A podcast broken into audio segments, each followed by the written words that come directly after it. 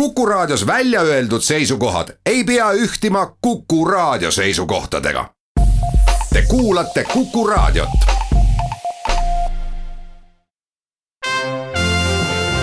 Tallinna Filharmoonia esitleb Filharmooniline huvitaja.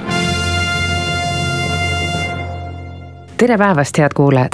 täna on Filharmoonilise huvitaja külaline helilooja, arranžeerija, pedagoog, kooridirigent ennekõike, aga Eesti üks parimaid muusikuid, Siim Aimla, tere tulemast! oi-oi-oi, tere jah, see Siim Aimla oli küll õige, need muud ja see muusik vast ka, see helilooja, seda ärge küll öelge, see on, see kõlab liiga uhkelt, aga jah, muusik võin vist küll öelda jah, et tõesti, sellel alal ma töötan. Aga helisid ju loote? jaa, aga, aga sõna helilooja kõlab isegi eh, uhkelt. Päris heliloojate kõrvus, isegi üks Eesti mu lemmikheliloojaid Tõnu Kõrvits on öelnud, et et tema aastaid pelgas seda sõna isegi enda kohta öelda ja ei ole ma ju seda otseselt kusagil õppinud ja ja ütleme niimoodi, et siis osa muusikutööst on ka, eriti džässmuusiku tööst, on ka muusika kirjutamine, aga aga las see helilooja aunimetus jääda ikka diplomeeritud heliloojatele, siis on võib-olla ausam. Kuidas teil praegu läheb, mis kõige kibedamalt käsil on? kevade ootus on väga kibedalt käsil, et saaks juba merele süstatama ja purje lauatama ja purjetama, et see on nagu kõige aktiiv-, noh, see ei ole küll aktiivne tegevus, aga, aga mõtteid haldab see küll päris palju. aga töise poole pealt eh, on igasuguseid asju, toosama Nukukooriga Kalevipoja ettevalmistus ja ja siis eh, erinevate bändidega erinevate kavade ettevalmistused, siis eh, natukene Estonian Dream Big Bandi haldamine ja sellega koos mängimine. ja no üht-teist ikka on, et väga, väga igav ei hakka, aga alati on nagu nadi tööks nimetada, aga jah, huvitav ja tore on. räägime siis sellest kontserdist, mis Muidugi. on Tough Clubis järgmise nädala neljapäeval, üheksateistkümnendal aprillil. ma saan aru, kontsert on kaheks osaks ikkagi väga selgelt jagatav, et seal on Nuku kooriga siis see Kalevipoja, kuidas selle kohta öelda, mis see on siis, laulumäng või mis see täpsemalt on, mida te Nuku kooriga teete? suvel lavastub nüüd siis täispikk no ütleme siis laulumäng see on siis lavastuslik kontsert või kontsertlavastus, kuidas seda nüüd öelda, ja see on siis Kalevipoeg. me Kreutzwaldiga saime niisuguse teose valmis ja siis öö, osa sellest või isegi päris suur osa sellest tuleb ka TAF klubis ettekandele, seal on küll liikumist ja seda lavastust vähem, sinna lihtsalt ei mahu nii palju. ja teises pooles on Tafenau Aimla kvintetiga siis džässmuusikat. aga Kalevipoeg on siis milline muusika? no Kalevipoeg on koorimuusika aga kuna ma seda koorimuusikat ju õigupoolest ei oska kirjutada, siis ma arvan, et ma võin vist öelda, et eh, see on ka osaliselt eh, ka ikkagi äh, nii rütmika kui harmoonia poolest ka pigem sinna džässi poole kalduv. džäss ei saa selle kohta ka päris öelda, ma loodan, et ta võiks žanriliselt jääda niisuguse rütmilise koorimuusika juurde, aga see ei ütle küll mitte midagi. tulge kuulama, siis saate teada, ma ei oska ise seda kirjeldada kindlasti see ei ole kooripärane ja see on koorile hirmus raske. aga nukukoor on väga vapper. kuidas te nukukooriga üldse kokku saite, teid on nimetatud selle koori ihu heliloojaks? oi, see on. kooriliikmed ise on seda teinud? no nukukooriga jah, võib vist öelda, eriti dirigent Reeda Tootsiga me oleme noh, kas just puuda või paar, aga no igal palju soola koos söönud ära ja kui ma nüüd õigesti mäletan, see esimene suurem koostöö oli kunagi Paides kontsertlavastus Lauluväe rahvas, mida me siis Reeda Tootsi ja Jürgen Roostega koos tegime. Ja sealt alates on äh, see koostöö jätkunud tänapäevani, see on väga meeldiv ja tore kamp ja nendega läheks luurele küll. Kalevipoeg on üsna paks teos.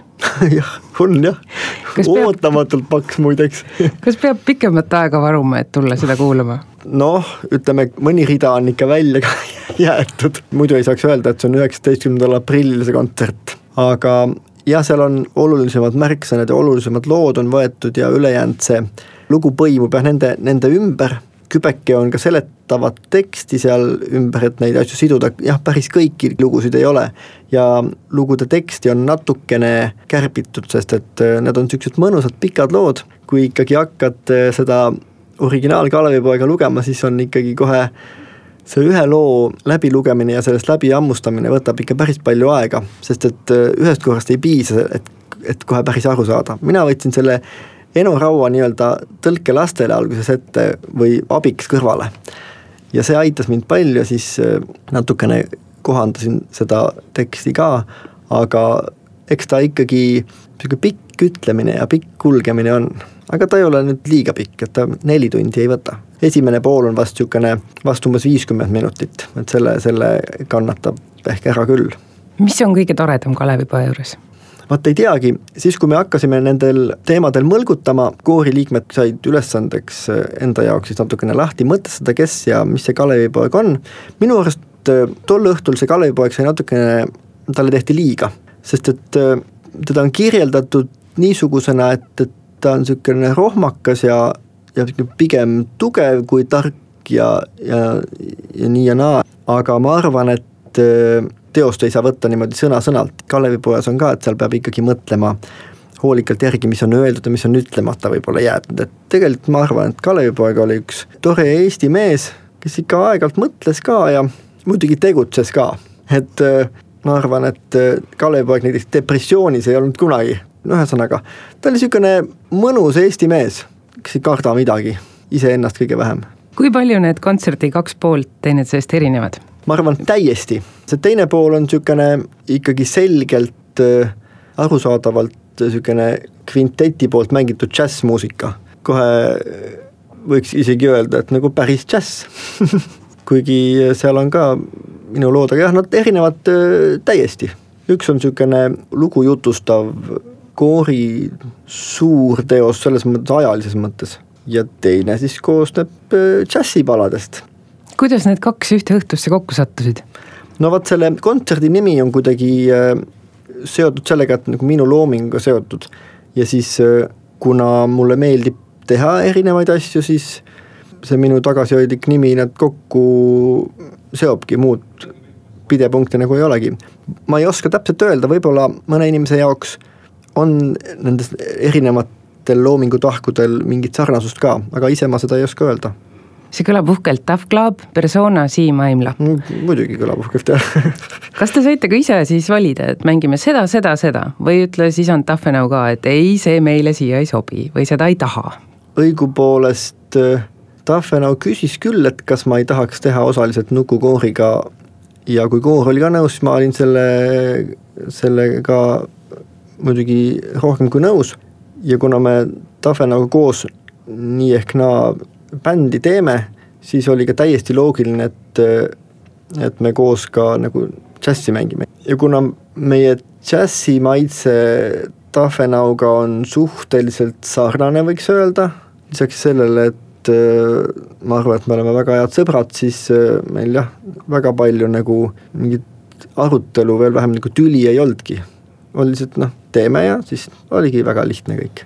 kaks saksofoni koos laval, mis seal toredat on, mis seal naljakat on, mis seal keerulist on? see bänd sai kokku kutsutud kunagi ammu, siis kui käis äh, esimest korda Dave Liebmann Eestis, džässkaarel.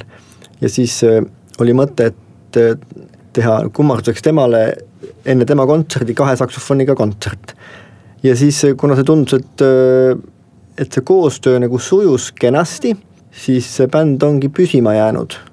kahes saksofonis ei ole midagi muud erilist kui see, et, et kui tavaliselt džässkvintetis on siis kas trompet või trompet ja saksofon või siis mõnikord ka tromboon ja saksofon, siis meie puhul on neid erinevaid saksofone, me mängime kahe peale põhimõtteliselt kogu saksofoni perekonna ära ja loomulikult on niisugune väike võistlusmoment ka juures, mitte väga verine, vaid pigem nagu sõbralik, aga ometi see kuidagi nagu alati on olemas ja see ei lase nagu, ma arvan, et see hoiab värskena meid, meid mõlemaid. ja ongi niimoodi, et äh, meil on see muusika mulle vähemalt väga meeldib, mul on nagu tunne, et Tafenäole ja ka teistele ansambli liikmetele küllaltki aga ikkagi on natukene ikkagi see pärast soolot on see silmanurk, et kes, kes nüüd suurema aplausi saab, muidugi on seda ka, loomulikult. On ta tulnud teile pärast ütlema ka, et Siim, täna õhtul sul tuli see küll nii hästi välja, et oh, oi, on ikka, on ikka, me ikkagi, me kiidame hoolega teineteist ja noh, asja pärast ma tean, et teil on üks äh, tore salaunistus, et kui inimestele see ei meeldi, mis lavalt teie poolt on pakutav kontsert ei istu, et siis ikkagi avaldataks jõuliselt oma emotsioone ja, ja pillutaks teid tomatitega näiteks. kust te teate? Et kas siis sellel õhtul, üheksateistkümnendal aprillil võivad ka inimesed ikkagi tomatid taskusse varuda ja kohale tulla? Mm,? vot nüüd ma pean natukene põnnama lööma, sellepärast et tegemist Mustpeade majaga. Tomatitega loobumine võib olla natukene brutaalne Mustpeade majas, sest et see saal on väga ilus ja, ja võib-olla saavad pihta ka need, kes ei ole määratud pihta saama, sest et tegemist on laudadega üritusega ja, ja ma ei tea, kuidas inimeste, nördinud inimeste selle sihtivusega või tabavusega lood on küll aga võib alati puu hüüda või, või midagi, midagi sellist. Või võib lihtsalt ära minna, et äh, seda ausust ma hindan ja, ja tõepoolest, äh, mis võiks olla toredam kui see, kui samad inimesed, kes ükskord on tomatidega visanud või puu hüüdnud, siis need järgmine kord aplodeerivad. vot siis oleks nagu neil tõsi taga, siis oskaks nagu eriti hinnata see eeldab mingit teadlikkust või kuidagi enesekindlust publikult. Siim Aimla, mida te ütleksite neile, kes on pähe võtnud, et nad tulevad nüüd esimest korda elus džässkontserdile, mõni soe sõna neile kaasa mm,? no kindlasti esimesest poolest eh, väga palju džässi ei kuule aga, aga ma ütlen neile ka, kes tulevad esimest korda koorikontserdile, et eh, mõned inimesed on öelnud, et, eh, et see erineb tavapärasest koorimuusikast mõnevõrra ja on olnud isegi inimesi, kes suhtuvad minu koorimuusikasse positiivselt.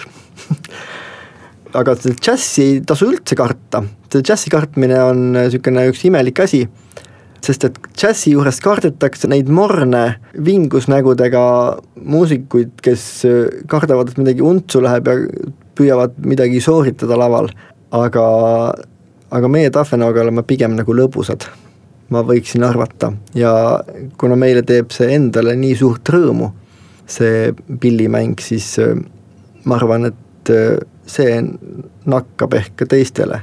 ma arvan, et selleks, et olla, seda, seda ma arvan kohe päriselt ja ausalt, selleks, et olla sügav ja tõsiseltvõetav, ei pea olema tingimata masendunud ja vingus ja, ja piinlema, nagu Tšehhovi peategelased. võib-olla tark inimene on õnnelik ja õnnelik inimene on tark. Siim Aimla, suur aitäh! aitäh! ma soovin, et meri jõuaks ruttu kätte ja kõigile ilusat kevade jätku, head päeva! Tallinna Filharmoonia esitleb Filharmooniline huvitaja